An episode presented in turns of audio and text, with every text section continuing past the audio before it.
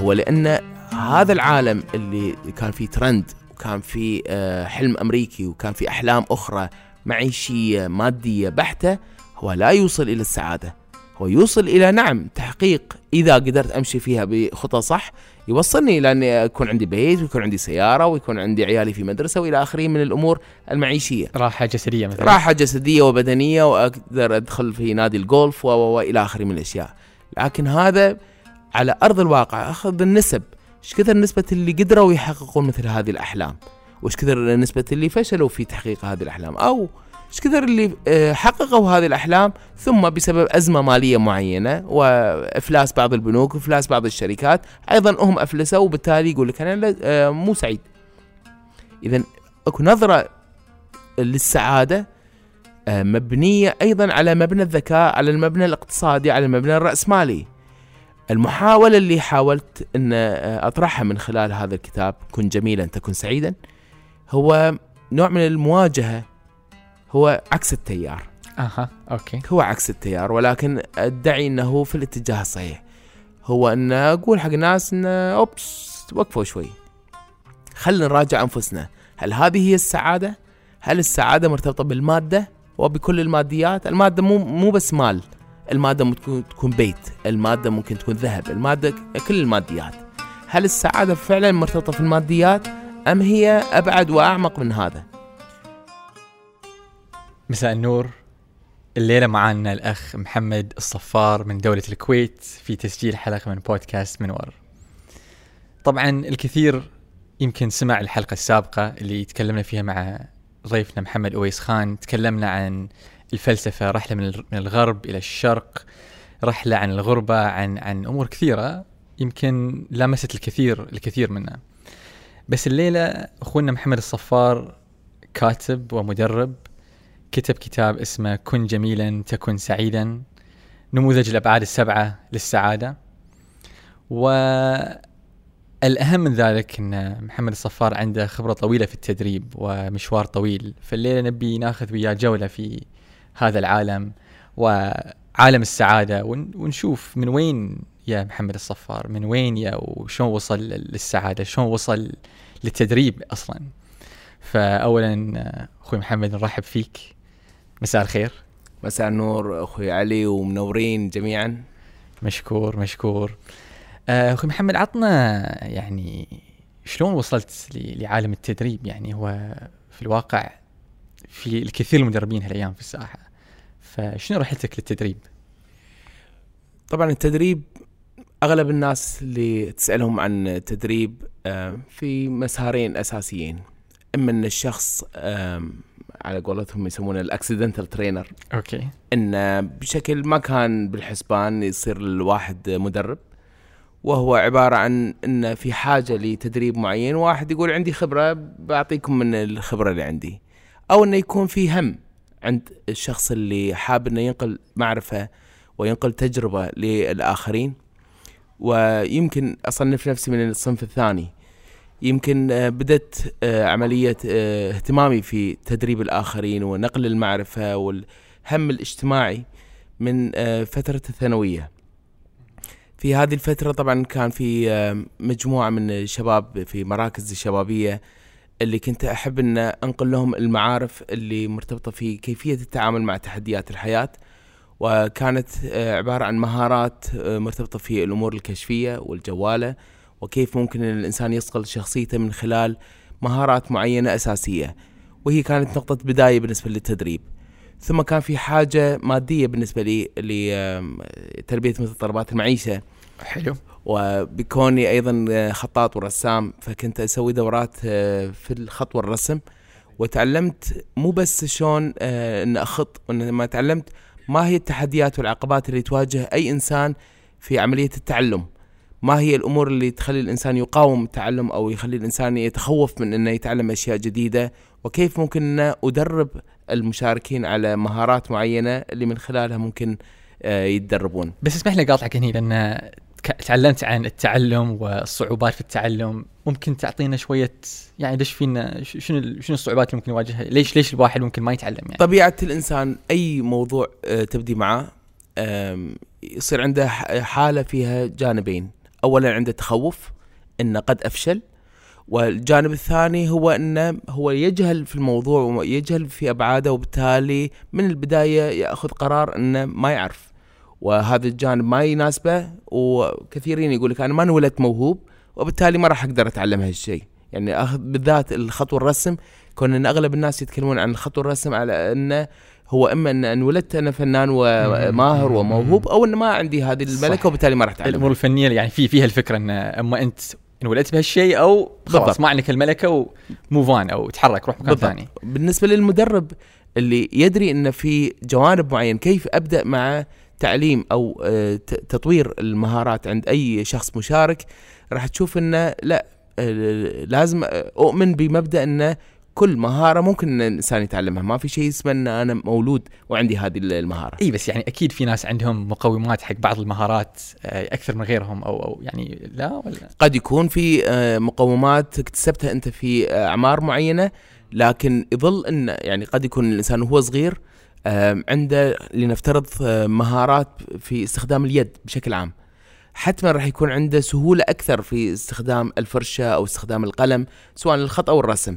ولكن لا يعني إن غيره ما يقدر. نعم قد ياخذ وقت أطول قد يحتاج إلى تمارين أكثر. آم، تنشيط لهذه العضلات أكثر ولكن يظل إن كل إنسان ممكن إنه يتعلم باختلاف المراحل. يعني أنت مؤمن إن ممكن أي شخص يتعلم أي مهارة؟ هاي كلام كبير شوي. طبعا. خلي الآن نحطه في سياق واضح. حلو. بعض المهارات آه، قد تتطلب إن الإنسان يكون عنده العضلة والقابليات من آه، عمر آه، صغير جدا. آه، خذ على سبيل المثال في الأمور الرياضية في الجمباز على سبيل المثال. في حلو. الجمباز أنت تحتاج من عمر أربع سنوات خمس سنوات يكون عندك العضلات الأساسية. آه، لركوب الخيل على سبيل المثال في عضلات خصوصا في منطقة ال- ال- الساقين هذه العضلات تضمر مع مرور العمر إن ما طورتها أنت في وقت معين. في بعض العضلات إن صح التعبير العاطفية بعض العضلات الذهنية أيضا قد تضمر مع مرور الوقت إن ما لم تطورها. فما أقدر آه، أقول إن كل المهارات ممكن الإنسان يتعلمها في أي وقت. فواضح أن الطيار على سبيل المثال ورائد الفضاء يحتاج إلى تمارين معينة ويحتاج إلى قابليات كانت موجودة عنده في عمر معين. ولكن نتكلم في الأمور الحياتية من الفنون من الأمور الإدارية من إدارة الذات من إدارة الأسرة. العضلات العاطفية والذهنية والبدنية موجوده عند أغلب الناس.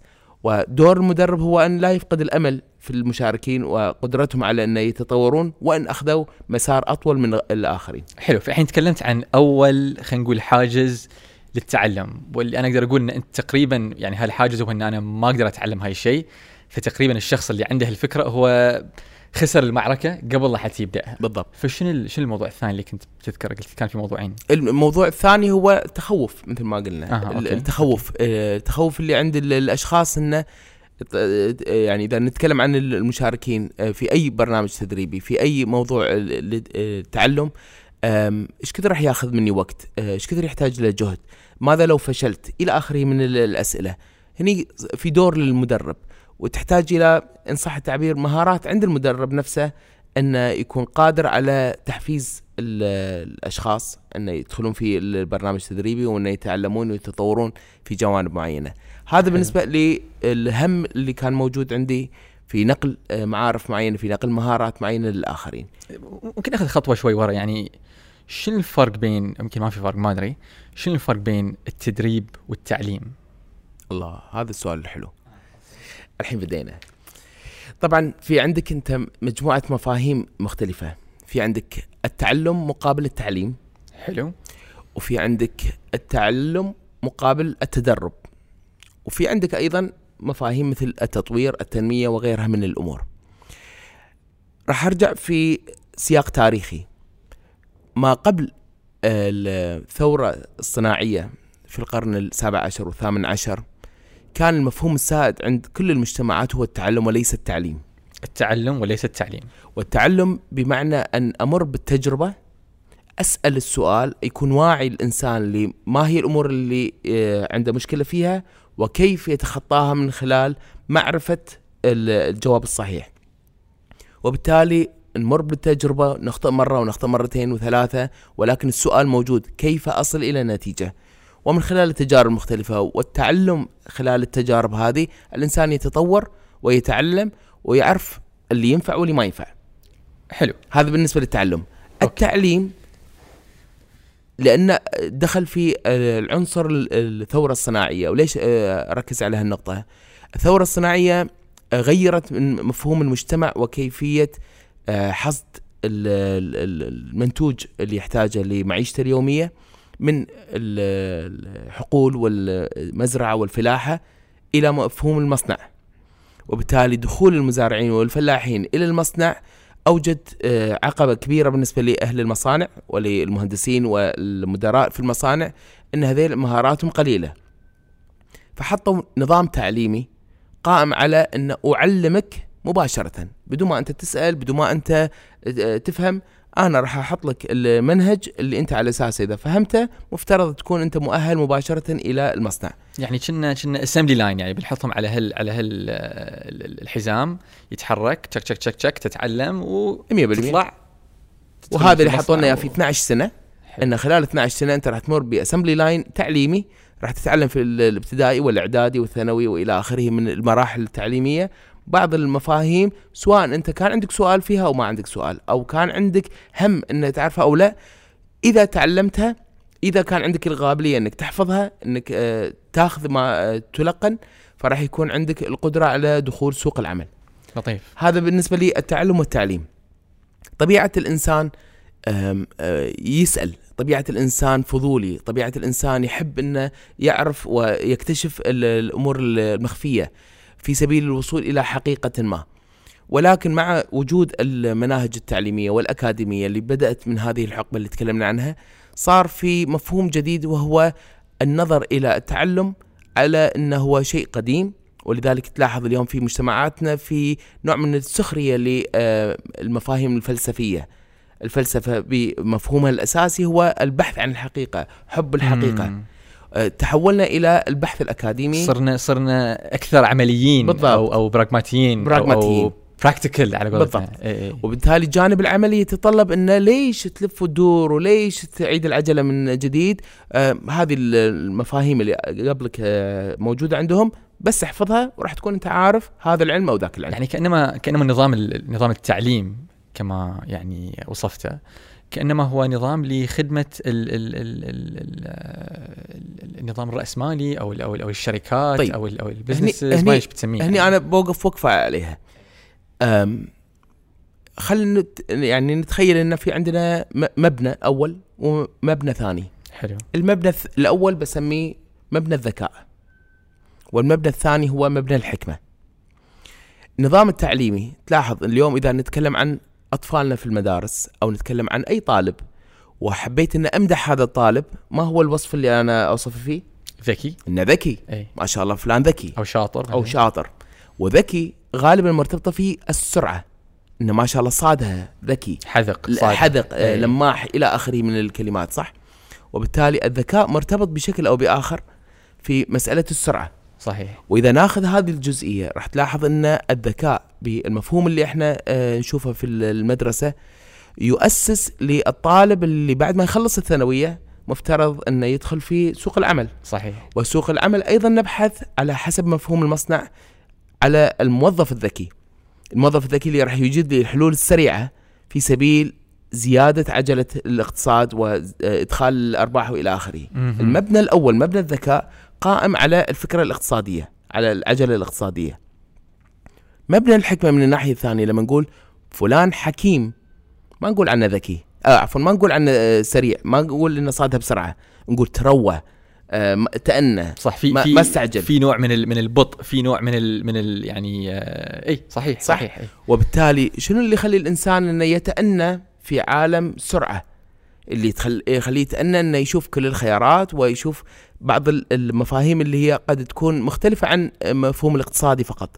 تدخل فيها الفضيلة والجوانب الأخلاقية وأفضل الأمور الغاية مقابل النتيجة إلى آخره من ال يعني السكيل اللي ممكن واحد يتكلم فيه. المفاهيم المفاهيم اللي ممكن تكون موجودة.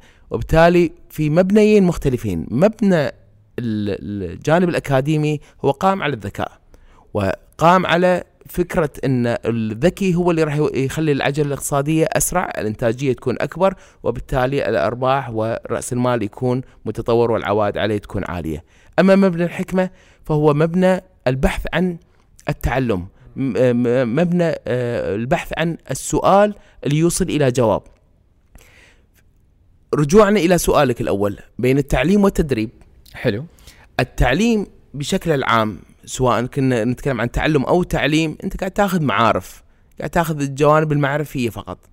أما لما نتكلم عن التدريب فهو قاعد نتكلم أكثر عن المهارات والتقنيات والأمور العملية اللي ممكن من خلالها أصل إلى فائدة جديدة. بمعنى آخر إحنا عندنا مهارات قد تكون بدنية أه، وقد يكون عندي معرفة بدنية. قد يكون الشخص اللي يشاهد مباراة كرة يعرف إن الكرة إذا دخلت من الزاوية الفلانية فأكيد مثلا حارس المرمى ما يقدر يصدها. لكن تعال على أرض الواقع هل نفس هذا الشخص ذو المعرفة يقدر يطبقها ويدخلها في الزاوية؟ نقول يحتاج الآن إلى مهارة في كيفية آم، إنه يضرب الكرة وبالزاويه المطلوبة. نفس الشيء على المهارات الذهنية والمهارات العاطفية وغيرها من المهارات. هناك جوانب معرفية قد يكون الإنسان يعرفها ويعلمها ولكن مو بالضرورة انه يكون عنده قدرة على التطبيق بشكل المهارات. يعني التدريب حسب اللي شرحته واللي فهمته أنه هو الانتقال من من المعرفة إلى الممارسة إلى تدريب البدن أو أو أو العقل أو اللي هو يعني في ممارسة هذا الشيء. فهو تقريبا يعني خلينا نسميه عالم ما بين عالم ال ال ال ال- الصف أو أو, أو ورشة العمل وعالم ال- العمل الحقيقي يعني مكان العمل صحيح؟ ممكن. يعني إذا إذا نبي ناخذها بشكل أبسط المهارات اللي أنت تحتاجها أيضا مفترض انها تكون مرتبطة بأسئلة لحل مشكلات يعني أنت تبحث في أي مجال عمل عن مشكلات معينة كيف أحلها وهذه ال- الحلول هي ليست من قبيل المعرفة فقط إنما من قبيل التطبيقات. يعني يمكن الكل يعرف إن ما يسمى بالبزنس يحتاج إن أنا أطلع أرباح أكثر من التكاليف اللي أنا عندي. صحيح. صح؟ هذا من الناحية المعرفية. أما من الناحيه التطبيقيه كيف ممكن اوصل إلى هالنتيجة؟ الإيجارات مرتفعة الأجور للموظفين مرتفعة وغيرها من المشكلات اللي قد تواجهنا. نقول الآن هي ليست عملية معرفة فقط أو تعليم إنما محتاج إلى مهارات معينة. شلون تحسبها؟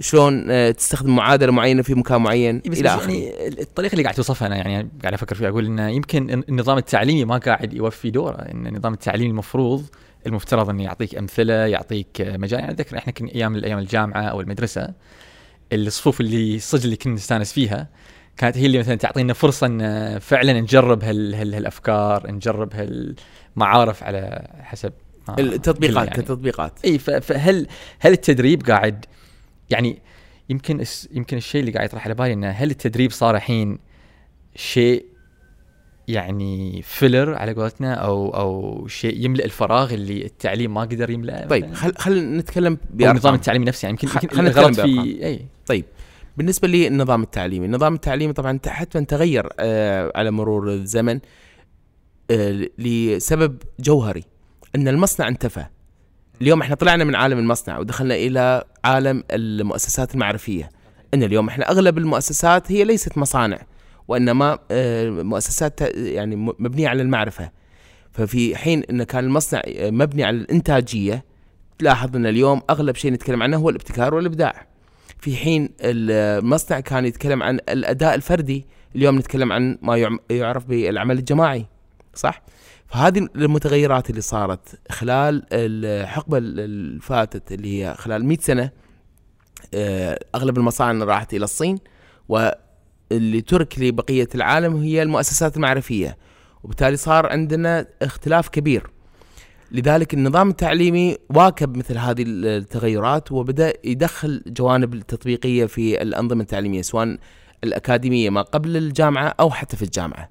أرجع إلى مصطلح بما أنك ذكرت الجامعة، لاحظ كلمة بكالوريوس المستخدمة في الجامعات كشهادة أولية. بكالوريوس هي كلمة لاتينية ومعناتها المتعلم. معناتها الشخص اللي يت- يتلقى العلوم فقط بدون ما يكون عنده قدرة على إنتاج فكرة. أما الماستر فهو الشخص اللي يعلم هذا المتلقي. وبالتالي في مرحلة الماجستير أو ال masters مفترض إن الشخص يكون عنده قدرة على إنتاج فكرة معينة. ثم تصل إلى مرحلة اللي مو بس إنك تقدر تبحث وتنتج فكرة انما تقدر تطلع لي بنموذج جديد أو نظرية جديدة بحسب فهمك في الدكتوراه. تمام؟ هذه الأمور طبعا في الفترة الأخيرة بدأت تتماهى ما بين التعليم والتدريب. فتلاحظ إن كثير من المدارس بدأوا يستخدمون التطبيقات لأن وجدوا إن فقط التلقين لا يعني يعطي الثمار المطلوبة. وفقط التركيز على المهارة التعليمية وأنت تدري اليوم عندنا ضعف في كثير من العلوم منها الرياضيات ومنها الفيزياء وغيرها لأن حتى التطبيقات اللي موجودة في الصفوف هي ليست تطبيقات حقيقية وإنما مجرد تطبيق لمعادلات. هو يذكرني في كلام طلع قبل فترة بسيطة إن ايلون ماسك اللي ايلون ماسك نعم. مال تسلا وبعض بعض الشركات يعني المبتكرة.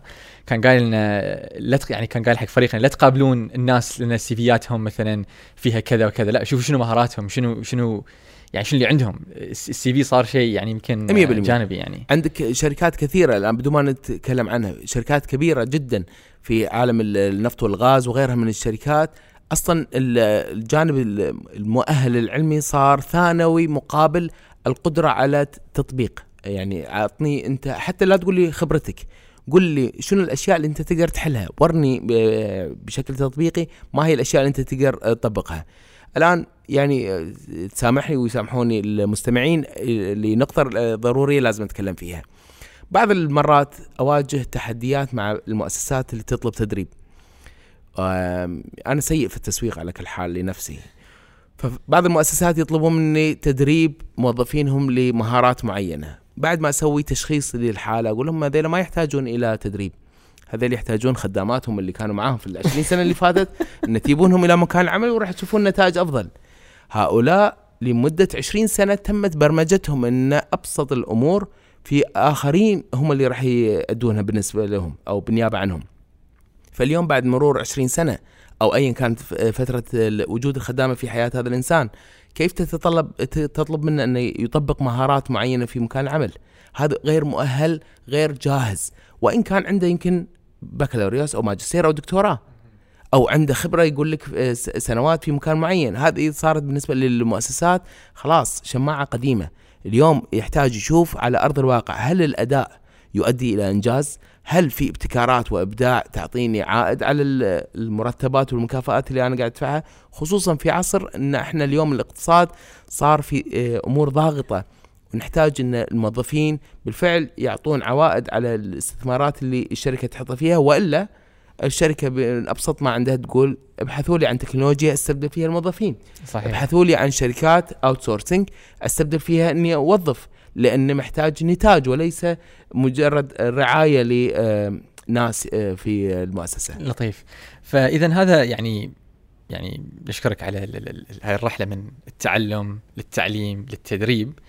فبرجع للمكان اللي وصلنا له الرسم والخط وبعدين كيف انتقلت من هني للتعمق في عالم التدريب و... طيب هذا جانب جميل طبعا بالنسبة لي فكرة التدريب مثل ما قلت لك كانت هي مرتبطة في الخط والرسم في الدرجة الأولى ونوعا ما بدأت تصير جزء من آه، حياتي.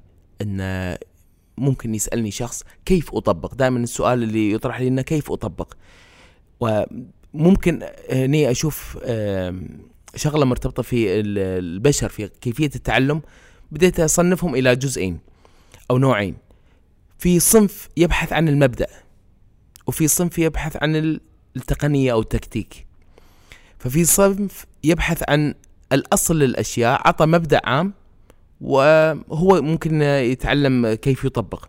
أما الجزء الثاني أو الصنف الثاني هو الشخص اللي يقول لك لا تعطيني المبدأ عطني الكيفية عطني الخطوات عطني واحد اثنين ثلاث حلو. وبالتالي سواء في قاعات التدريب أو خارج قاعات التدريب بديت ألاحظ إن الأنواع أو الأصناف الاثنين اللي موجودين يسألون آه، آه، سؤالين مختلفين. السؤال الأول بالنسبة لي اللي يبحثون عن المبدأ هو لماذا؟ ليش لازم نسوي بهالطريقه ليش لازم تكون بهذه الطريقة؟ عطني المبدأ. فلما تعطيه المبدا يقول لك أنا ممكن أجربها مرة ومرتين وأصل إلى نتيجة. الصنف الثاني اللي هو يبحث عن الخطوات. فصار عندي آه، نوع من الفضول. إن على اي أساس في ناس من الصنف الأول ومن الصنف الثاني الحين الصنف الأول ممكن نسميهم ناس استراتيجيين والثاني تكتيكيين ممكن ممكن, ممكن. تسميهم استراتيجيين وتكتيكيين آه، مبدئيين وعمليين عمليين، ايا. كان أوكي. ولكن أو آه، المبدعين هم المبدئين في الغالب اللي فقط. عطى لماذا هو ممكن آه، يعطيك أكثر من طريقة أما التكتيكي هو شخص براغماتي زيادة عن اللزوم متعلم خلال 12 سنة أو 16 سنة خلال النظام الأكاديمي على إنه يتلقى ثم يعني يطبق مباشرة. فايا كان صار عندي فضول إن ما هي المناهج اللي وصلتنا إلى هالنوعين من البرمجة. واللي اكتشفت على ضوءها إن على سبيل المثال الكتب آه، والمهارات لما تقدم في المنهج الأمريكي مختلفة عن المنهج الياباني مختلفة عن المنهج البريطاني مختلفة عن المناهج العربية. وهني بديت أكتشف مصادر لهذه البرمجة. وعلى ضوءها صار عندي فضول أكثر انه كيف ممكن آه، أوصل رسالة التدريب بشكل شوي مختلف بحيث انه دائما يكون في يعني إن صح التعبير آه، جزء مرتبط في المبدأ ويجب على المتلقي انه يتحملنا انه لازم يفهم المبدأ قبل أن يدخل في عملية التطبيق المباشر وجزء آخر راح يكون في التكتيكات وفي التقنيات المختلفة. وهني صار عندي آه، ان صح التعبير أسلوبي الخاص في التدريب إن أنا أدمج ما بين الاثنين. أنا ما أحب النظريات ولكن أتكلم عن نماذج في فرق ما بين النظرية وعن النموذج. النموذج غالبا يكون حالة يعني تلخيصية لتطبيقات معينة. أقول لك عندي نموذج معين مكون من خمس أشياء. هذه الخمس أشياء هي مبدأ ما سنقوم به. خلينا نتكلم عنهم نفهمهم نفهم لي- ليش أو لماذا هي مهمة. ثم ندخل مباشرة في تطبيقات هذه الخمسة. وبالتالي صار هذا أسلوبي الخاص. في هذا الجانب وفي هذا ال- ال- المدار اللي هو الخلط ما بين الاثنين صار في طلب انه بما إنك أنت أيضا آه، باحث ودارس في الأمور الإدارية تعال طبق ال- الأشياء بالجانب الإداري. فدخلت إلى عالم الإدارة وإلى التدريب في الإدارة. اولا كان في المؤسسات اللي أنا أشتغل فيها فكان تدريب مباشرة لموظفينا. وكنت أسوي المناهج التدريبية آه، بنفسي وما ما كنت أقدر أعتمد على أي من المناهج التدريبية الموجودة. علما إن لو تبي تدخل على جوجل على سبيل المثال بشكل مجاني راح تلقى أي مادة تدريبية ممكن تستفيد منها. بحياتي ما قدرت أستفيد من أي شيء موجود مباشرة لأن في الغالب إما انه هو من عالم آخر من مثلا مدرسة أو منهجية مختلفة عن عالمنا وبالتالي لا يلامس هذا الواقع أو إنها تتكلم بنظريات أكثر أو انه مباشرة تتكلم بتطبيقات من غير نظرية. فما قدرت أستفيد من أي شيء موجود. وهني صار عندي الهم الجديد هو كيف ممكن أن أضع نماذج. هي تلامس واقعنا تختلف عن النماذج الغربية تختلف عن المنا- المناهج التي لا تلامس الواقع وتطبيقها بشكل مباشر. وعلى ضوءها صار عندي ولله الحمد أكثر من 27 آه، نموذج إداري. واللي هي حولتها إلى آه، مناهج تدريبية واللي حاولت إني أطبقها من خلال مختلف البرامج التدريبية اللي أقدمها. جميل جميل. يعطيك العافية. يعافي قلبك. آه، أستاذ محمد أنت يعني عقب كل هال كل هالفترة يمكن أكبر مؤلف ألفته هو كتاب كن جميلا تكن سعيدا صحيح؟ صحيح. وقبله كان عندك كتاب ثاني ذكرني باسمه. كان عندي مجموعة كتب. منها ما هو منشور ومنها ما هو غير منشور. منها Okay. مو مشهور منشور. إي منشور اللي نعم. منشور إي. المنشور عندي آه، كتاب عكس التيار ام في الاتجاه الصحيح. صحيح. وهو كتاب فضايح شخصية. كتبت فيه مجموعة من القصص المرتبطة في بس حبيت الكتاب كان لطيف. حبيته؟ اي يعني عموما هو لأنه بسيط وسندويشات صغيرة تعتبر. قصص آه، قد تكون العناوين غير مترابطة فيها ولكن كلها تصب في ناحية واحدة اللي هي كيف يضع الإنسان منهجه في الحياة كيف يشوف ال- الترند إن صح التعبير ويحدد موقفه من كل ترند بحيث انه لا تاخذ الموجة لا تاخذ لا تجرف ال- الأمور والمغريات الموجودة من ناحية. عكس التيار ام في الاتجاه الصحيح أيوه. Okay. ومن ناحية ثانية أن لا يكون إنه خالف تعرف. ليس الغرض هو ان أن اكون مخالف للتيار أو مخالف للترند الموجود وإنما تحديد واضح لمنهج الإنسان في الحياة لأن في مغريات كثيرة وفي عواقب كثيرة ممكن الإنسان يقع فيها إن لم يكن واعي للمنهج اللي هو ماشي عليه.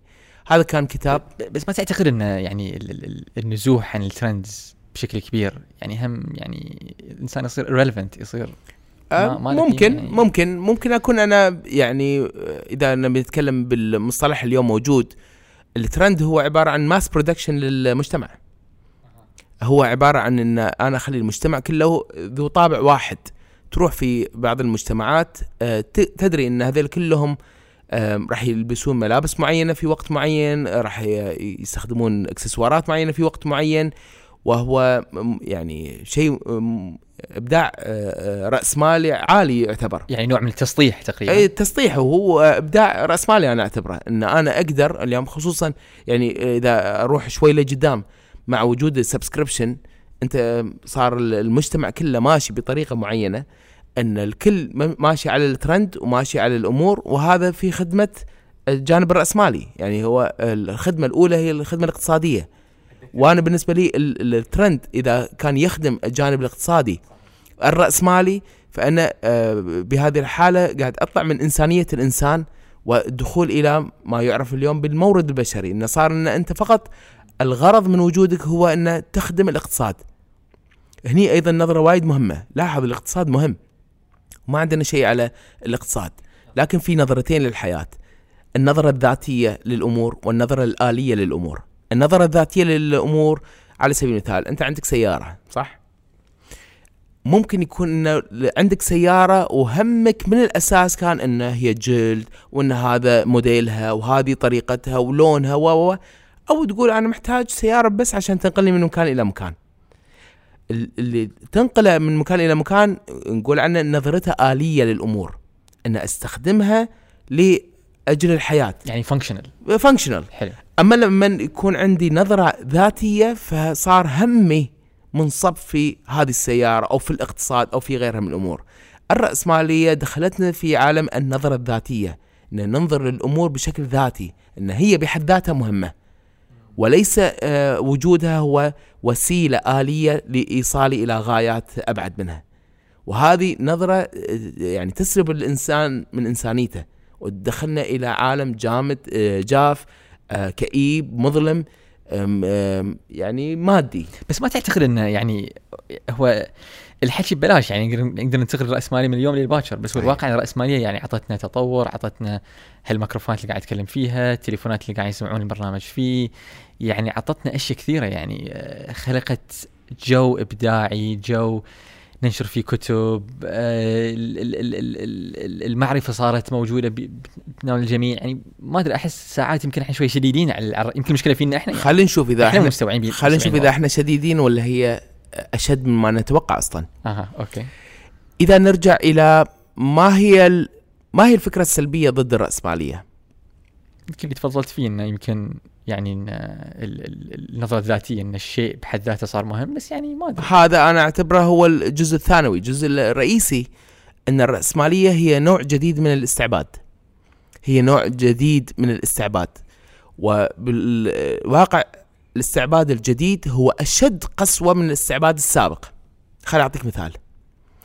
لما كان الشخص قبل ألف سنة عنده بقرة. هذه البقرة هي باللاتيني capital. رأس راس المال واللي بعدين صارت capital واللي هي اليوم نسميها رأس مال. رأس مال من وين كلمة آه، رأس مال؟ من رأس البقرة ورأس الخروف. تمام؟ في ذاك الوقت لما كان يهتم في هذه البقرة هو يوكلها ويعطيها أعشاب ويعطيها الماء ويعطيها البيئة المناسبة في سبيل إنه تطلع له عجل جديد.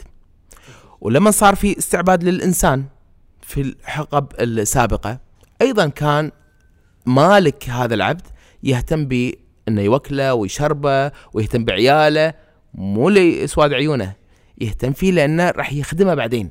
لكن لكن كان يهتم فيه اهتمام شديد لأنه يدري أن كل آه، نسل راح يكون من هذا العبد هو لخدمة المالك والصاحب. أما الراسماليه فهو استعباد جديد في القروض اللي ما يهمني إذا أنت ما قدرت تسدد ممكن يكون مصيرك في آه، الشارع أو السجون وهذا اللي يشوفه في الدول الرأسمالية نفسها. صحيح. والاستعباد ال- البنكي كجزء أساسي من الرأسمال آه، من الاقتصاد الرأسمالي وصلنا إلى الاستعباد الجديد اللي هو الرواتب. إن أنا مضطر إني أشتغل هذه الشغلة ومضطر إني أتحمل مديري ومضطر إني أتحمل السياسات التعسفية اللي تكون موجودة لأن البنك آه، ناطر مني قروض ان اسددها وبالتالي ما في أحد مهتم لا فيني ولا في نسلي مثل راعي البقرة وراعي ال- العبد في ما قبل ألف سنة. بالنسبة لي هي أشد قسوة وبالتاريخ ما في قسوة استعباد مثل الراسماليه زين الحين لو نشوف الدول اللي مثلا تعتبر فيها السعادة في نسب عالية هي دول راسماليه ولا؟ يعتمد شنو مفهومنا للسعادة. أوكي تفضل عطنا يلا يعني ندخل. تمام. شنو شنو مفهوم شنو المفهوم شنو المفاهيم موجودة للسعادة؟ خلينا نقول وشنو المنهجية اللي أنت تطرحها في تمام. السعاده؟ في منهجية مادية للسعادة تبدأ من فكرة إشباع الحاجات إن إذا أنت أشبعت الحاجات فأنت سعيد هذه فكرة وشنو- موجودة وشنو هي الحاجات؟ حاجاتي إن أكون عندي بيت إن ماكل شارب إلى آخره هذه فكرة للسعادة. إذا حاجات بدنية يعني حاجاتي ال- آه، البدنيه مادية. المعيشيه إن. أنا إذا ح- آه، وصلت إلى حاجاتي آه، إشباع حاجاتي المعيشية فإذا أنا سعيد. هذه نظرة موجودة. في نظرة شوي أرقى منها. تقول لا لا لا ما لازم يكون بس إشباع حاجاتي. لازم يكون عندي إشباع حاجات ولكن مع توازن إنه يكون عندي هدفية في الحياة إنه يكون عندي غرض في الحياة إنه آه، أساعد الآخرين أو أساعد نفسي أو ايا كان لا أفكر فقط في إشباع الحاجات. بس بس الأصل لا زال هو إشباع الحاجات. إشباع الحاجات أوكي. تمام. ويمكن بدت في آه، ما بعد الحرب العالمية الثانية لما طلع ما يعرف بالحلم الأمريكي ال American dream أن الإنسان السعيد هو اللي محقق الحلم الأمريكي. بيت. بيت. Nuclear family على قولتهم. بالضبط. آه سيارة و... Okay. ومرتاح في في إيه. حياتي. المهم أنا أكون مرتاح في حياتي. أنا محقق آه، ارتياحي. وهذا الحلم الأمريكي مبني على أرجع على الموضوع الرأسمالي مبني على البنك وال corporate. البنك شو يسوي؟ ال corporate الب- البنك لازم أنا أخذ قروض عشان أشتري هذا البيت. Okay وتسددهم على طول؟ وأسددهم على مدى سنوات وأيضا مبني على ال corporate إن أنا لازم يكون عندي راتب شهري وما أقدر أشتغل لنفسي لأن مو بالضروره راح أقدر أطلع آه، آه، ما يسدني ال- ال- القروض. وبالتالي صرت أنا محكوم بشيئين هذه النظرة للسعادة صارت أيضا اقتصادية. صارت السعادة بمنظورها الاقتصادي. صح في صورة معينة في صورة مادية. بالضبط. آه خيوطها اقتصادية فهمت. بس. وإذا شفنا الأزمات المالية في 2008 كل اللي تكلمنا عنه أو اللي تكلموا عنه عفوا في مسألة إن الناس فقدوا بيوتهم وفقدوا كذا وفقدوا من أموالهم والخسائر اللي صارت وبالتالي صار في كآبة. لاحظ كآبة الناس بدأت تزيد. إذا أنا بتكلم عن السعادة بالمفهوم المادي انظر إلى المؤشر الخاص في الكآبة المؤشر الخاص في الأمراض النفسية الأمراض العقلية آه، في دول مختلفة. الآن بدون ما أذكر أي دولة آم، بعض الصيدليات تسألهم عن أدوية معينة عن الكآبة يقول لك والله مقطوع من السوق مم. مقطوع من السوق ولفتره طويلة راح تشوفه مقطوع من السوق ليش؟ لأن في حاجة كبيرة لمثل هذه الأدوية طيب شنو اللي خلانا نوصل إلى مرحلة انه مقطوع يعني sold out يعني خلاص sold out يعني مو إيه. موجود إيه. شنو اللي يخلي الناس انه بدأوا يخزنون أدوية نفسية وعقلية وغيرها أكثر من ما يخزن أمور أخرى هو لأن هذا العالم اللي كان فيه ترند وكان فيه آه، حلم أمريكي وكان فيه أحلام أخرى معيشية مادية بحتة هو لا يوصل إلى السعادة.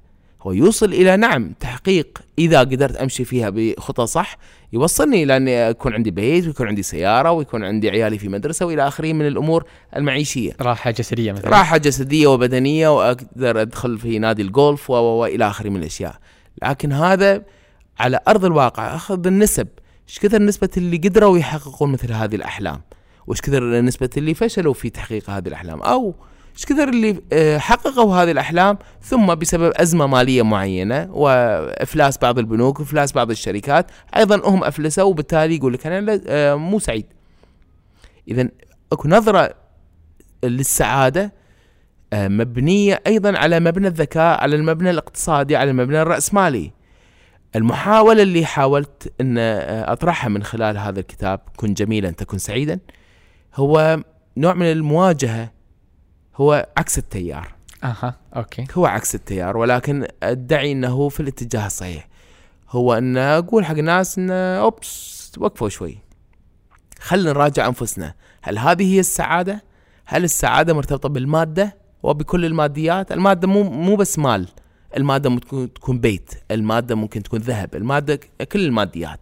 هل السعادة فعلا مرتبطة في الماديات أم هي أبعد وأعمق من هذا؟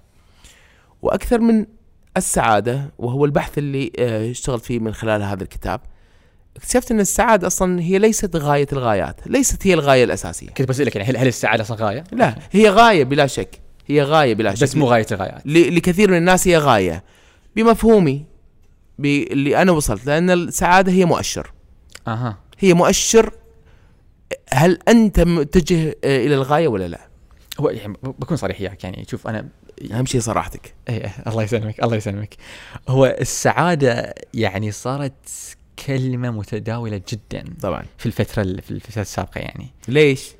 أو في عالمنا في عالمنا العربي لأن. مكتئبين أكثرنا. يمكن الظاهر ما إيش السالفة. بس في في العالم يعني أنا أتذكر كنت أدرس في أمريكا مثلا تقريبا قبل آه، يعني ادرس واشتغل هناك قبل 10 سنين شوي أكثر. كنت تسمع عن كتب في السعادة ذيك الفترة يعني هناك متداولة وايد. ما وصلتنا هني بقوة يعني. بس في في الآخر خمس سنين يعني يمكن شوي أكثر بعد أشوف يعني نوع ما أدري شلون نوع من ال من ال من الهبه على السعادة. زخم صار. الزخم ال- كأنهم الناس متخرعين يعني شن أول مرة يسمعون كلمة السعاده شن كنا ما حد سعد في حياته. نعم. الحين جاي واحد كاتب كتاب مثلا نفس بعض الناس. أيوة. Okay. عن أو عنده. دور أو عنده دورات تدريبية عن السعادة. نعم. ليش؟ شو السالفة؟ يعني شنو صار؟ Okay. شنو ما, ما كنا سعيدين قبل ما نعرف شنو سعاده الحين. شنو شنو اللي شنو اللي حاصل؟ في أكثر من جزء. هذا السؤال طبعا وايد مهم. في أكثر من جانب. اولا مفهوم السعادة في الغالب إحنا نستحي إن نتكلم عن سعادتنا. كشعوب عربية آه، بالذات وشعوب العالم بشكل عام السعادة هي ليست موضوع نتكلم فيه. نستحي. Okay. Okay. إحنا تفضل ما نتكلم في السعادة. مم. ما حد يسأل أنت مثلا فعليا سعيد ولا مو سعيد. الكل يتكلم إن أنا عندي هموم وعندي أشياء وكل إنسان يتكلم بسعادته يمكن ب يعني مستوى محصور جدا في أسرة في أصدقاء إلى آخره. ولكن هو ليس موضوع اجتماعي للحديث عنه. هذا بالدرجة الأولى. آه، اثنين السعادة هي مفهوم مجرد غير ملموس. والمفاهيم المجردة غير الملموسة غالبا الناس يعزونها إلى الفلسفة. يقول يعني كل واحد عنده فلسفة للسعادة. لاحظ الكلمة يستخدمون عنده فلسفة للسعادة أنه كيف يكون سعيد. وكأنما الدارج هو أن إذا الإنسان عنده راتب وعنده مكان يأويه وعنده ما يسد فيه جوعه فهو مفترض أنه يكون سعيد. فما نحتاج أن نسأله. لاحظ إن هي من ال- ال- الأمور اللي أنا ما أحتاج ان أسأل واحد إذا أنت سعيد فعلا أو لا. أقول لك أسعد الله أيامك. زين. وكأنما هو دعاء فقط. هو ليس شيء حقيقي ليس شيء ملموس ليس شيء ممكن نتكلم فيه لأنه مجرد من مفاهيم المجردة في الفترة الأخيرة السنوات الأخيرة اللي أنا قاعد أتفضل آه، اللي أنا قاعد أقول لك إياه إن المؤشر اللي صار في السنوات الأخيرة إن مستوى الكآبة ازداد في الشعوب مم. مستوى الكآبة زاد آه، المجتمعات يمكن بعد يمكن بعد وبالتالي يعني- إيه. صار في مواجهة إن تعالوا تعالوا أنتم عندكم كآبة أيضا دخلوا بطريقة تسويقية. لاحظ حتى هذه دخلوا لهم بطريقة تسويقية. يعني من من كمين أول إلى كمين ثاني؟ من فخ أول إلى فخ ثاني. من فخ إن هذا ما اكتئب إلا بسبب الرأسمالية. الآن رجع مرة ثانية. قال تبي تصير سعيد؟ تعال أنا بخليك سعيد. هو ما, تحس إن أصلا السعي وراء السعادة تخليك أكثر كآبة؟ آه هذا أيضا سؤال دائما يطرح. أصلا بحوث. السعي يعني حركة السعي هو إنك تشوف روحك بعيد عن شيء فأنا قاعد أسعى وراء السعادة شنو السعادة؟ بحصلها ما بحصلها الله أعلم. ومجرد إني أنا قاعد أسعى قاعد كأنما يعني أثبت عدم سعادتي. سعادتي. صح. هني لما نتكلم أرجع مرة ثانية إلى النظرة الذاتية والنظرة الآلية. إذا شفنا السعادة من نظرة ذاتية في الغالب راح تؤدي إلى عكس النتائج الم- المرجوة. راح أكون غير سعيد. إذا كانت نظرتي إنه كل يوم بسأل نفسي هل أنا سعيد؟ هل أنا سعيد؟ هل أنا سعيد؟ أكيد راح يكون عندي شعور بالاكتئاب أكثر ما راح يكون عندي شعور بالسعادة. أما إذا نظرنا لها نظرة آلية إنها هي ميزان فقط. هي ميزان. شلون أنت توقف على الميزان وتشوف وزنك؟ هو يعطيك مؤشر. يقول لك والله وزنك 60 80 ايا كان. بس ما ما يقول لك ان 60 زين ولا 80 زين. أنت من تقرر إن أنا أحتاج 60 ولا 80 ولا 100 أنت من تقرر. إذا نظرنا إلى السعادة كنظرة ذاتية وأن الهم أن أكون سعيد هني إذا ما فهمنا السعادة. بمفهومي طبعا. إذا نظرنا إلى السعادة كنظرة آلية أن إذا المؤشر قاعد يرتفع معناته في أشياء صح أنا قاعد أسويها وتؤدي إلى الغاية أو غاية الغايات كما أفهمها أنا. شنو غاية الغايات؟ لازم تقرأ الكتاب. آه قاعد اقراه يعني. بس يعني الحين المستمعين بعد. يمكن إذا قلنا لهم ما بيقرون الكتاب. بشكل مختصر. بشكل مختصر. شنو اللي يخلي الإنسان حتى بالمفهوم الدارج عند الناس شنو اللي يخلي الإنسان سعيد؟ إذا شفنا حياة الإنسان هي عبارة عن جزئين.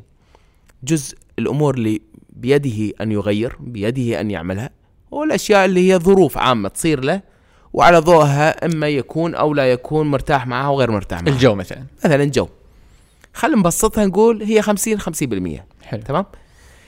إذا كنت على الأقل كل الأشياء اللي من داخلي وبيدي القدرة على السيطره عليها وتغييرها والرجوع إلى الذات والتحكم بالذات بطريقة أن أكون مرتاح مع نفسي مع ضميري في الأشياء اللي أنا قاعد أسويها على الأقل 50% من المشوار وصلني للسعاده صح؟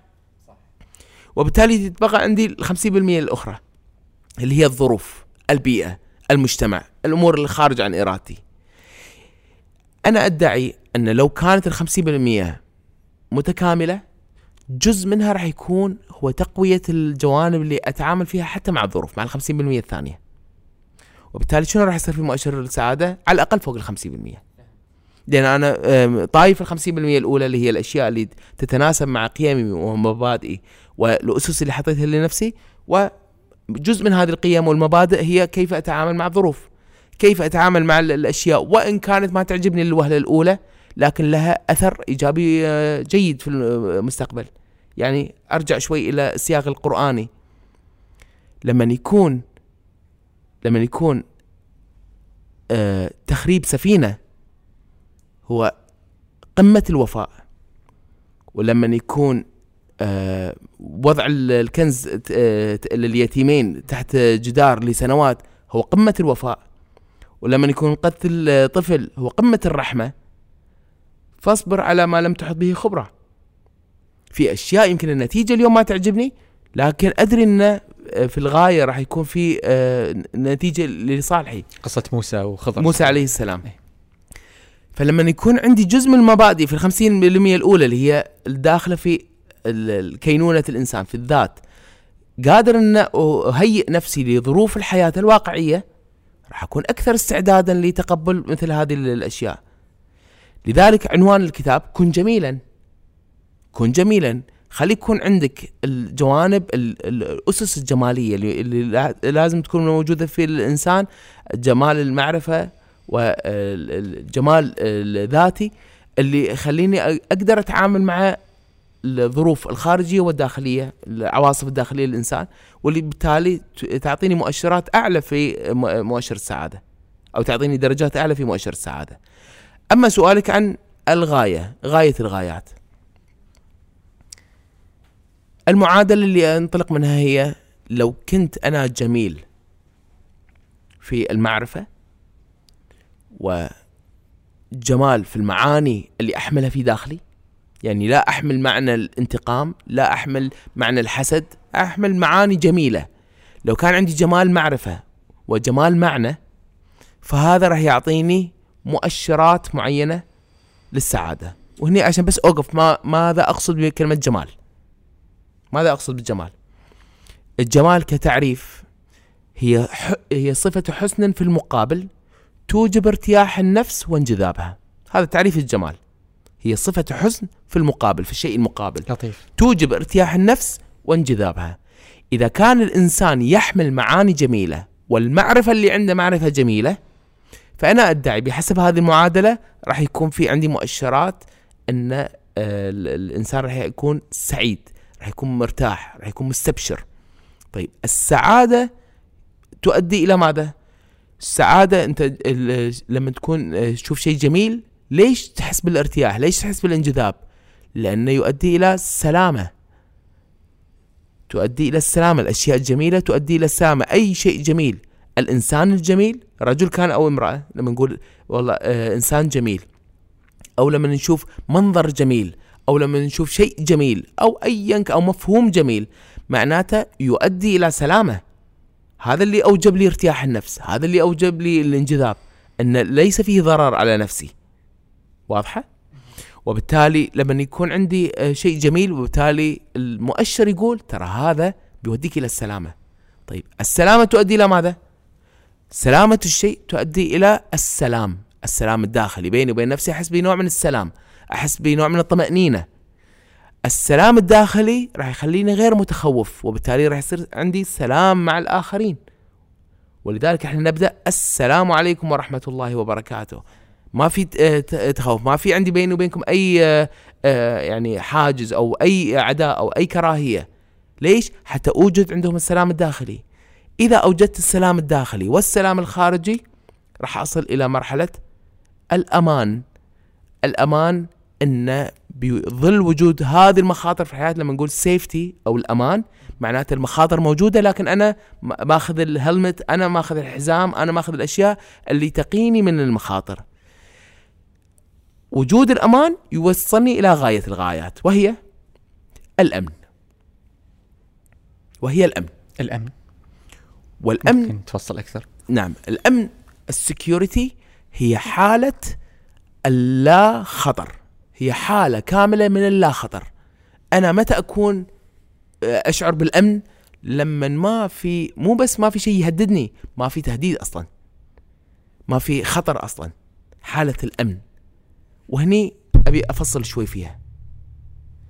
لاحظ الله سبحانه وتعالى في القرآن الكريم الآية الكريمة في سورة الأنعام. الذين آمنوا ولم يلبسوا إيمانهم بظلم أولئك لهم الأمن وهم مهتدون. هذه الآية العظيمة جدا أساسية في فهم المفهوم الرئيسي ليش إحنا نحتاج السعادة؟ إحنا لا نحتاج السعادة لذاتها، نحتاج السعادة كوسيلة للوصول إلى الأمن. وكيف آه، هذه الوسيلة؟ هي مؤشر إن هل ما أقوم به جميل؟ هل المعاني اللي عندي أحملها جميلة؟ هل المعرفة اللي عندي توصلني إلى أشياء آه، فيها سلامة؟ إذا نعم فراح تكون أنت سعيد أنت تدري إنك ماشي باتجاه الأمن. تعال إلى المفهوم الحالي للأمن. الآن لما نقول أمن كلمة أمن أول ما تقول أمن يعني ال security personnel صح؟ يعني موظف الأمن على سبيل المثال. صحيح أو بالنسبة للموظفين يقول لك الأمن يعني الأمن المعيشي، نرجع مرة ثانية إلى ماذا؟ ال- النظرة الاقتصادية النظرة المالية. الاقتصادية إيه. وبالتالي حتى أقول لك إياها السلسلة كلها الجمال يؤدي بمؤشره إلى السلامة مؤشره اللي هو السعادة الجمال يؤدي بمؤشره إلى السلامة والسلامة تؤدي إلى السلام الداخلي والخارجي والسلام يؤدي إلى الأمان وهو التعامل مع المخاطر بطمأنينة. وهذا يؤدي إلى الأمن سواء في الحياة الدنيا أو في الآخرة. وهو هي القدرة على أن أصل إلى مرحلة أن لا يكون هناك أي تهديد. الأمن في هذه الحياة الأمن آه، في هذه الحياة هو أن أرتبط ارتباط وثيق بالتدبير الإلهي وأن أن أصبر على ما لم أحط به خبرة. أما الأمن من الفزع الأكبر فهو أن أكون أنا في يوم القيامة في مأمن من الفزع الأكبر وضامن الجنة. وبالتالي هذا هو السياق المتكامل إن صح التعبير. لطيف لطيف. أه وأنت قاعد تتكلم يف بالي يعني كذا شغلة. إحنا تكلمنا عن النظرة الاقتصادية وال- والدول الرأسمالية وبعدين وصلنا لمفاهيم السعادة والمفهوم اللي تفضلت فيه. فقعدت أربط بين كلامكم وبين التوجهات اللي قاعدة تطلع في ال- العالم الغربي ويمكن قاعدة تزداد عنه وهو التوجه نحو العالم الروحاني أو العالم الروحي ما أدري شنو التسمية الصحيحة أمانة. آه مثلا ال ال ال ال ال التوجهات البوذية مثلا أو بعض التوجهات الهندوسية أو حتى بعض التوجهات اللي فيها عالم التصوف والعوالم الروحية صارت تزداد. يعني حتى مثلا بشوف بشوف يعني بعض الغربيين يعرف عن جلال الدين الرومي يمكن أكثر من بعض اللي عندنا هني. يعني مثلا أنت عارف اللي هو يمكن يعني أقرب للمنطقة مثلا. صحيح. ف شنو يعني شلون نربط بين المفهوم اللي تفضلت فيه وبين الراحة اللي يجدها البعض في هذا العالم وفي هذه المفاهيم وفي هذه الأنماط؟ مثلا. طيب. لا تنسى أن المفاهيم الروحية اللي طلعت في آخر 15 سنة وازدادت وصار في روايات عنها وصار في كتب وصار في عالم يوتيوب يقرب مسافات بالنسبة لهذه المفاهيم ودخول الغرب بقوة فيها بدأت قوتها في 2008 بدأت قوتها في 2008 وإذا ترجع إلى مواكبة لهذا الترند راح تشوف إن بدأت بقوة في 2008 من الكتب إلى الفيديوهات إلى البرامج التدريبية عودا على التدريب. إلى غيرها من الأمور اللي صارت في المجتمع صارت تتكلم عن الجوانب الروحية لأن الرأسمالية وصلت إلى ذروتها. وبينت انها ناشفة إلى درجة أن ما يمكن أن تلبي احتياجات الإنسان. مع وجود كل هذه الماديات ومع وجود كل آه، متطلبات أن أنا أكون متلذذ في هذه الحياة الإنسان ما وصل إلى مستوى السعادة. قالوا بما أن وصلنا إلى النشفان خلينا نجرب الجانب الثاني هذا الجانب اللي نسيناه آه، في سنوات معينة. ولكن أيضا بنشفان أيضا ما فهموا بشكل متكامل. أيضا أخذوه بالناحية الحياتية.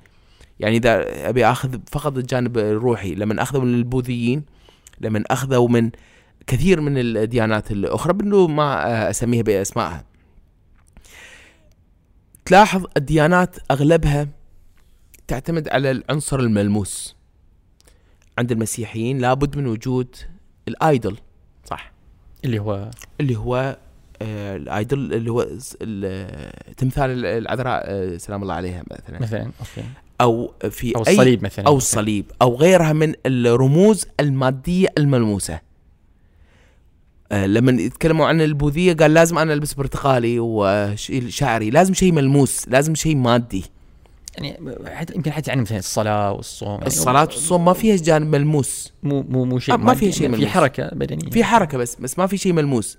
ما في رمزية ملموسة آه، عند المسلمين. آه، في هذه الديانات وفي هذه المذاهب الفكرية الروحية جانب المادي موجود أيضا يعني جانب مادي موجود. لذلك هي أقرب نقطة كان ممكن يدخلون فيها إلى الجانب الروحي.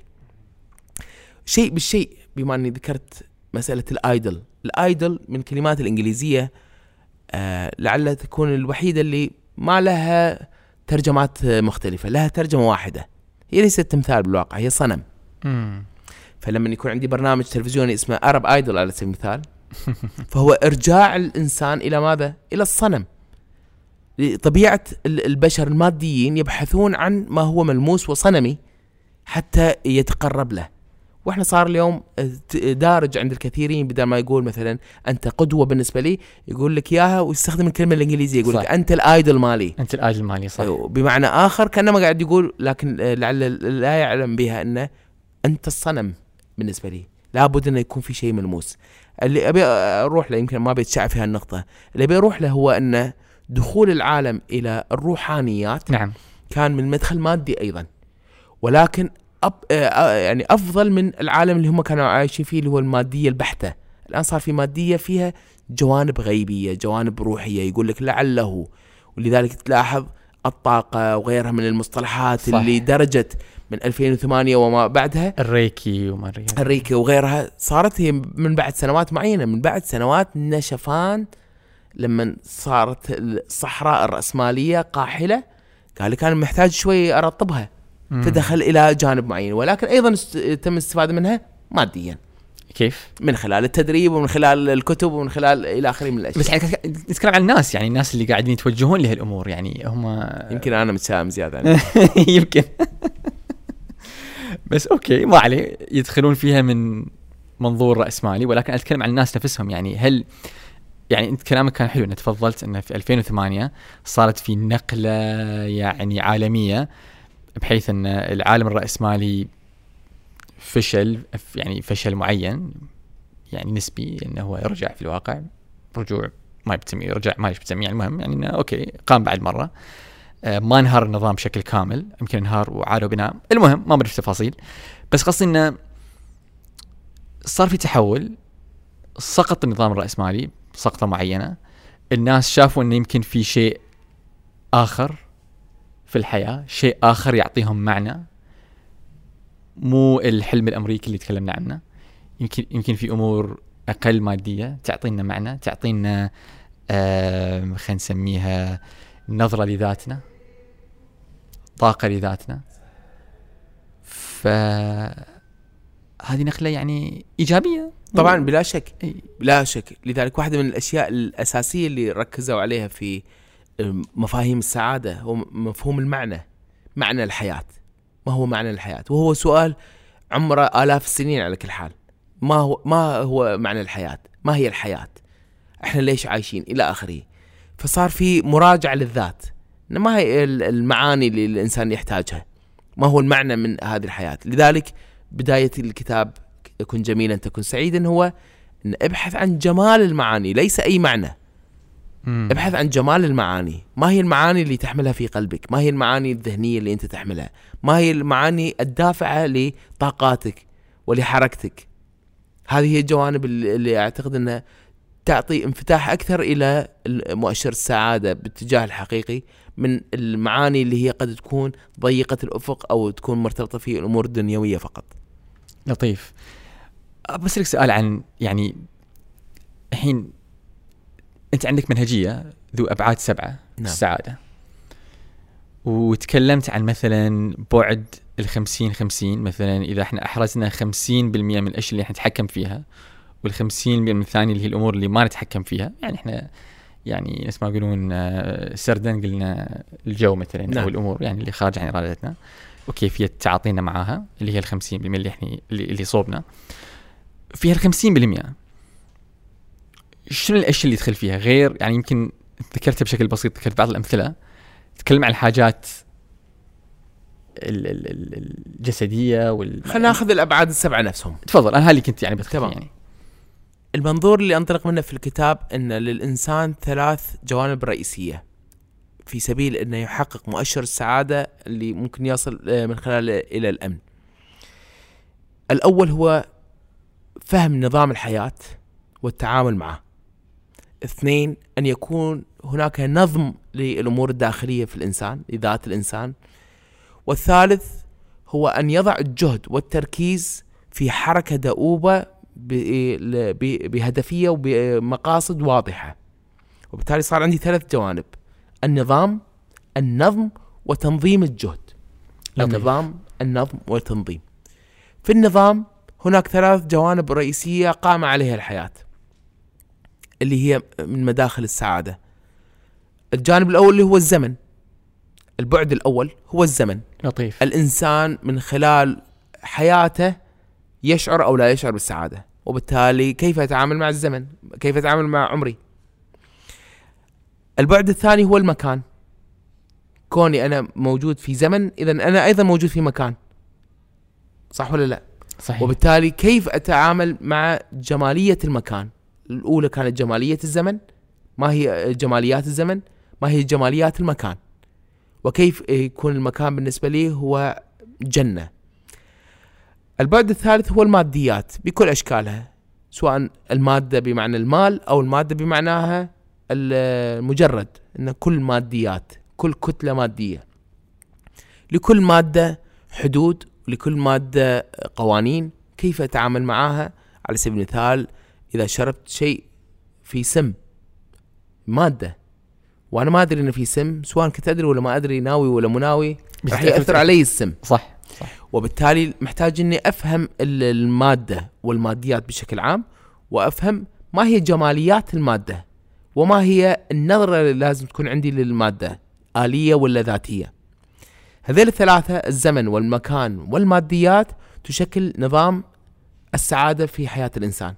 اللي إذا وضعت المعاني الجمالية وكان عندي جمال معرفة للتعامل معهم أحقق جزء كبير جدا من مؤشرات آه، السعادة لحياة الإنسان.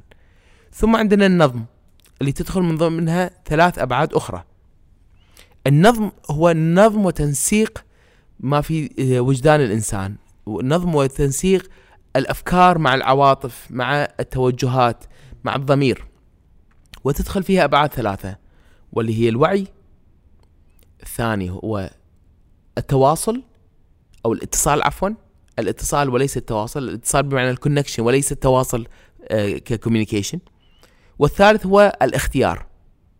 إذا قدرت أضبط الكيبلات بين هذين الثلاثة بين أن يكون عندي وعي بمن أتصل وبمن أقطع الاتصال وما هي الاختيارات اللي راح تجيني وما هي الاختيارات اللي لازم آه، أبتعد عنها إذا صار في عندي نسق واحد داخلي يقلل العواصف الداخلية يقلل الهموم الداخلية يقلل الاكتئاب داخلي الإنسان جزء كبير من الاكتئابات اللي تصير عنده هو اللي خلل فيها هذا النظم اللي موجود. صحيح. إن آه، من ناحية اميل إلى جانب ومن ناحية ثانية اميل إلى ما يناقض ذاك الجانب. ويصير في صراع داخلي إنه الأول ولا الثاني. متى ما صار في نسق واحد كيبلاتنا ال USB مالتنا كلها موصلة بشكل صح داخليا اذا في طمأنينة داخلية في سلام داخلي. يعني في نوع من ال consistency أو نوع بالضبط. من الانسيابية انسيابيه بين الأمور الثلاثة داخليا. فإذا محتاج إلى بعد الوعي الاتصال ثم الاختيار.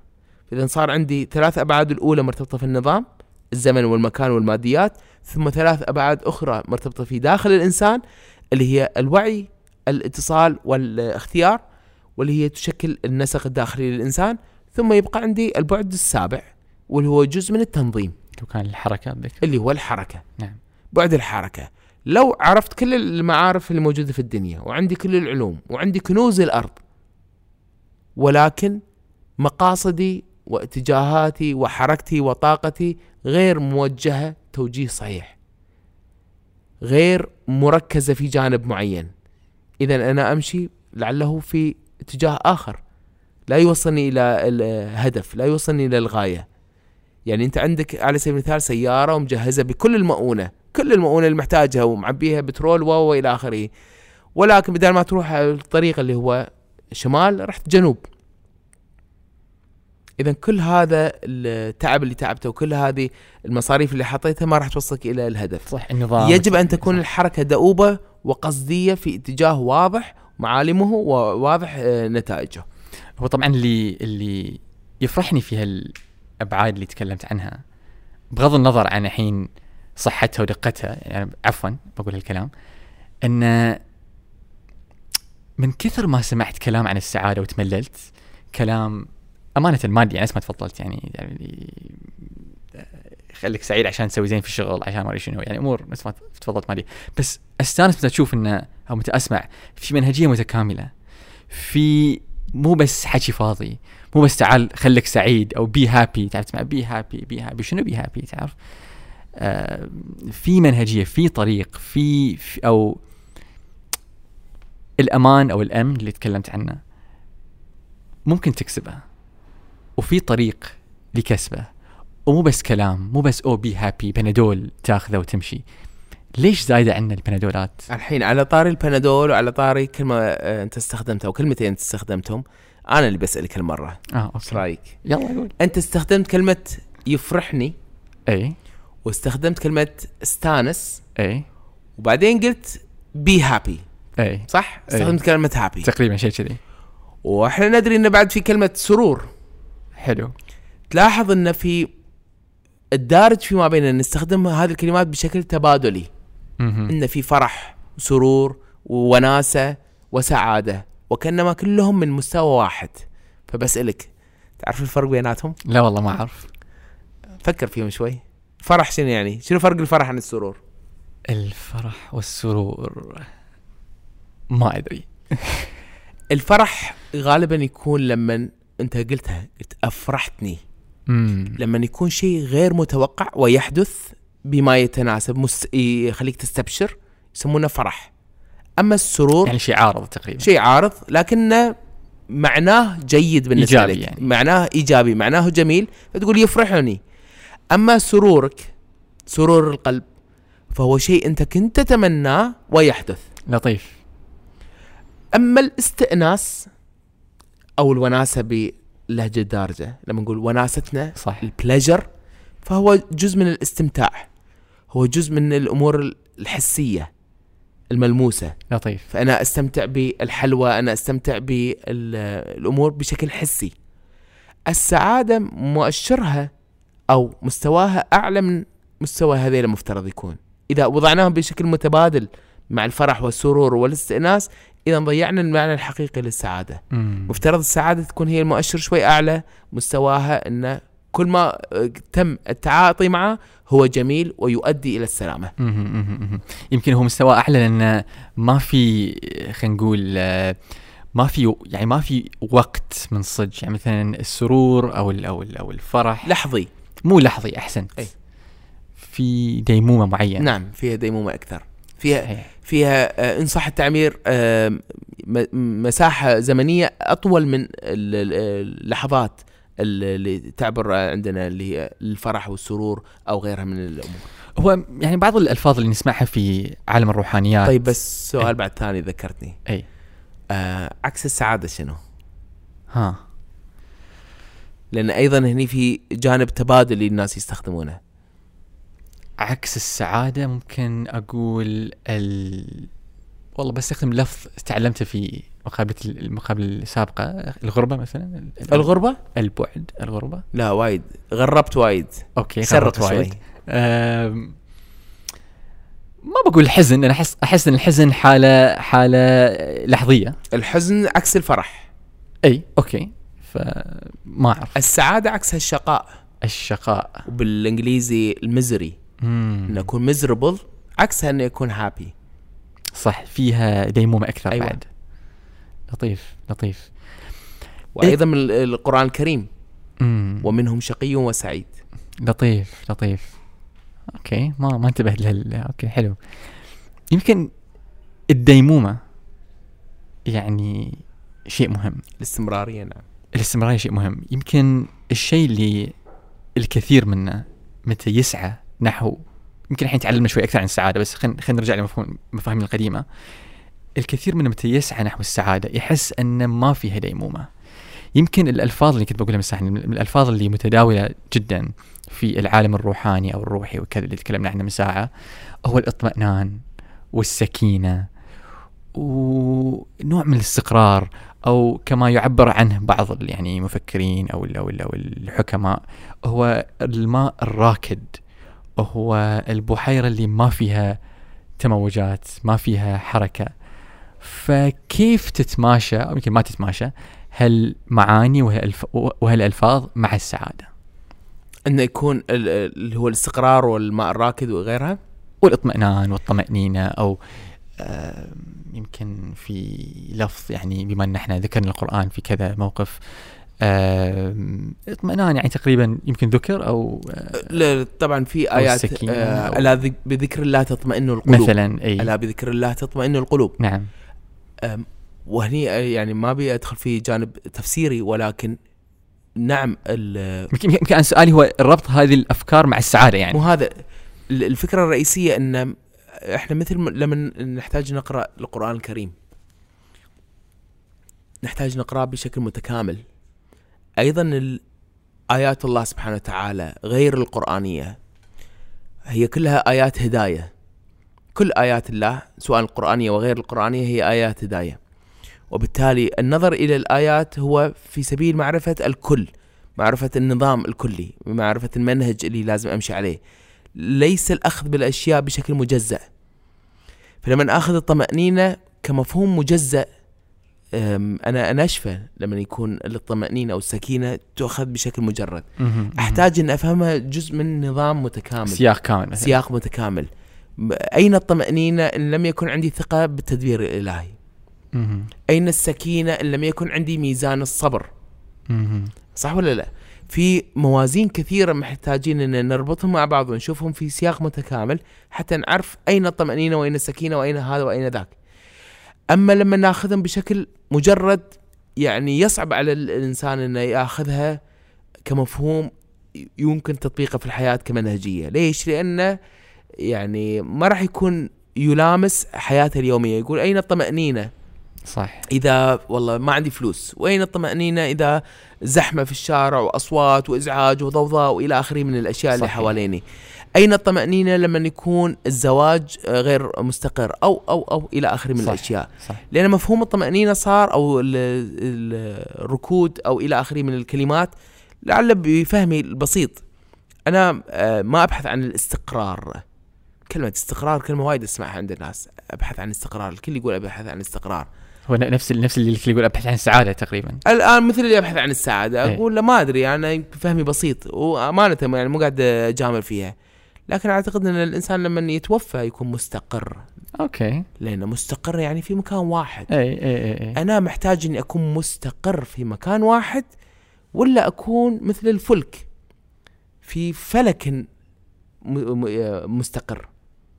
إن أنا ماشي بطريق مستقر. أو في حركة معينة هي حركة البعد السابع مستقرة. مثلا إي. أنا حركتي لازم تكون مستقرة ضبطت النظام التنظيم والآن تتحرك في هذا ال- بالضبط. اللي هي الكلمة أي. اللي استخدمتها بالإنجليزي consistency. في هالحالة إن أكون أنا consistent. أنا مستقر في مبادئي أنا مستقر في أفكاري أنا مستقر في حركتي. هذا اللي لازم يكون فيه استقرار. وليس الاستقرار بمعنى إني وصلت. وخلاص الآن أبي أكون أنا مكاني وعندي الفلوس وعندي وعندي وعندي وأكون مرتاح ومطمئن والى آخره. ما راح يكون موجود. ليس في عالمنا. ليس في عالمنا. ما في في واقعنا شيء آه، إذا أنت حاولت إنك تكون واقف في مكانك الدنيا راح تكون متقدمة عليك. أنا أنا كنت قاعد أحاول يعني قاعد أحاول خلينا نقول أستخلص من كلامك يعني خلاصة أو جملة تفيدني بشكل أدق بشكل هي أربع كلمات. كن جميلا تكون الله. سعيدا okay. هو عنوان الكتاب يلخصها. okay حلو. بس اللي كنت بقول إنه كانه ما قاعد تقول إنه أو النظام مع- معرفة النظام اللي هو شوف شنو العالم وشوف شنو أبعاد العالم وت- وتعلم العالم اللي أنت هو. قاعد تتعاطى معه. ثانيا بعدين عقب ما عرفت العالم ارجع لنفسك. تعلم شلون تتعاطى مع العالم. بما إنك okay عرفت العالم الحين أو لحظة تتعل- تعرف تعلم شلون تتعاطى مع نفسك. بعدين تحرك في هذا الفلك اللي تكلمت عنه. فلك أو فلك؟ في هذا الفلك. فلك فلك فلك okay مو فلك. إيش قاعد أقول؟ ما أدري. في هذا الفلك بشكل consistent بشكل مستقيم بشكل مستقر. ف هني أنت تقريبا أنا ليش يعني استوقفتك؟ ليش ليش وقفت ال- الكلام وقلت برجع؟ لأن فعلا الحين حسيت أني وصلت إلى نظرة للسعادة مختلفة جوهريا عن الكلام اللي أسمعه على الإنستغرام وواحد يطلع لك يحط quote يحط لك مثلا جملة من جلال الدين الرومي تعرف صار بعد مشهور الحين ما أيامه كان مشهور كثر ما أدري يمكن صار له تسويق أكثر اي صار الحين مشهور أكثر من قبل يمكن المهم. آه على كل هو سيرته جميلة وعنده. مواقف يعني آه أنا استفدت منها كثير. المهم بس اللي كنت بقول انه الحين حسيت فعلا شنو قصدك؟ بالنظام والتنظيم والنظم. وال أو أو النظام والنظم والتنظيم. النظام النظم وال- وال- والتنظيم.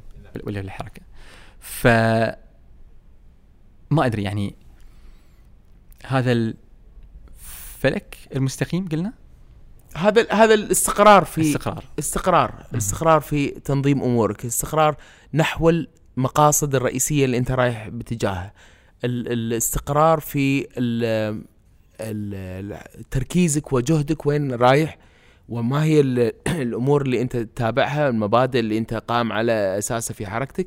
هذا هو الاستقرار اللي أنا أبحث عنه استقرار جميل. في الحركة. جميل. وليس الاستقرار الوجودي. جميل. أن أكون أنا آه يعني لاحظ هي كلمة استقرار اللي الناس يستخدمونها. ما يخالف هني أبي أوضح فكرة. كلمة استقرار اللي الناس يتكلمون عنها هي بالضبط فكرة الأمن اللي أنا تكلمت عنها. ماذا أقصد باستقرار؟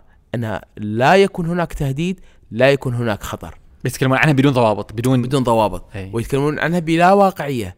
كيف ممكن أن أكون لا أمن آه، في حالة أمن؟ لا أس- يعني واستقرار في واقع هو متغير ومتشعب وفي أطماع وفي كل الأشياء ال- الواقعية.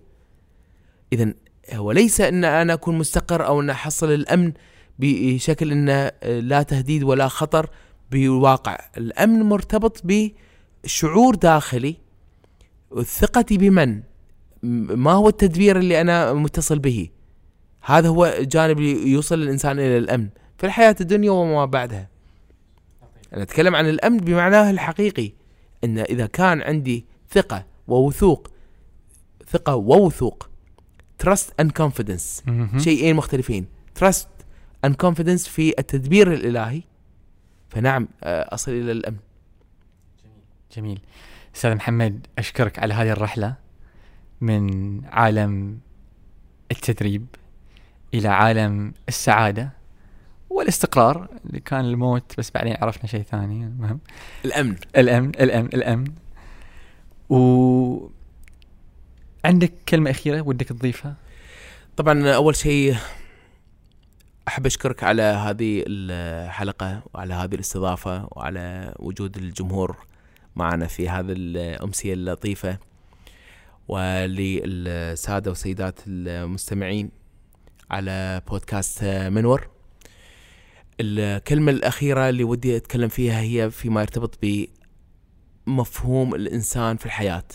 الإنسان بلا شك عنده هموم كثيرة في هذه الدنيا وعنده احتياجات كثيرة ولكن هو أيضا نقطة في بحر وهو جزء من كل ويحتاج أن ينظر إلى إنسانيته وإلى عمارة الأرض وإلى مشاركة الآخرين بالخيرات وإلى أن تكون سعادته هي جزء من سعادة الكرة الأرضية وكل من عليها بتحقيق العدالة وتحقيق الأمن من خلال أن أقلل الأطماع وأقلل الخوف من آه ان راح تنتهي الأمور تنتهي الماديات.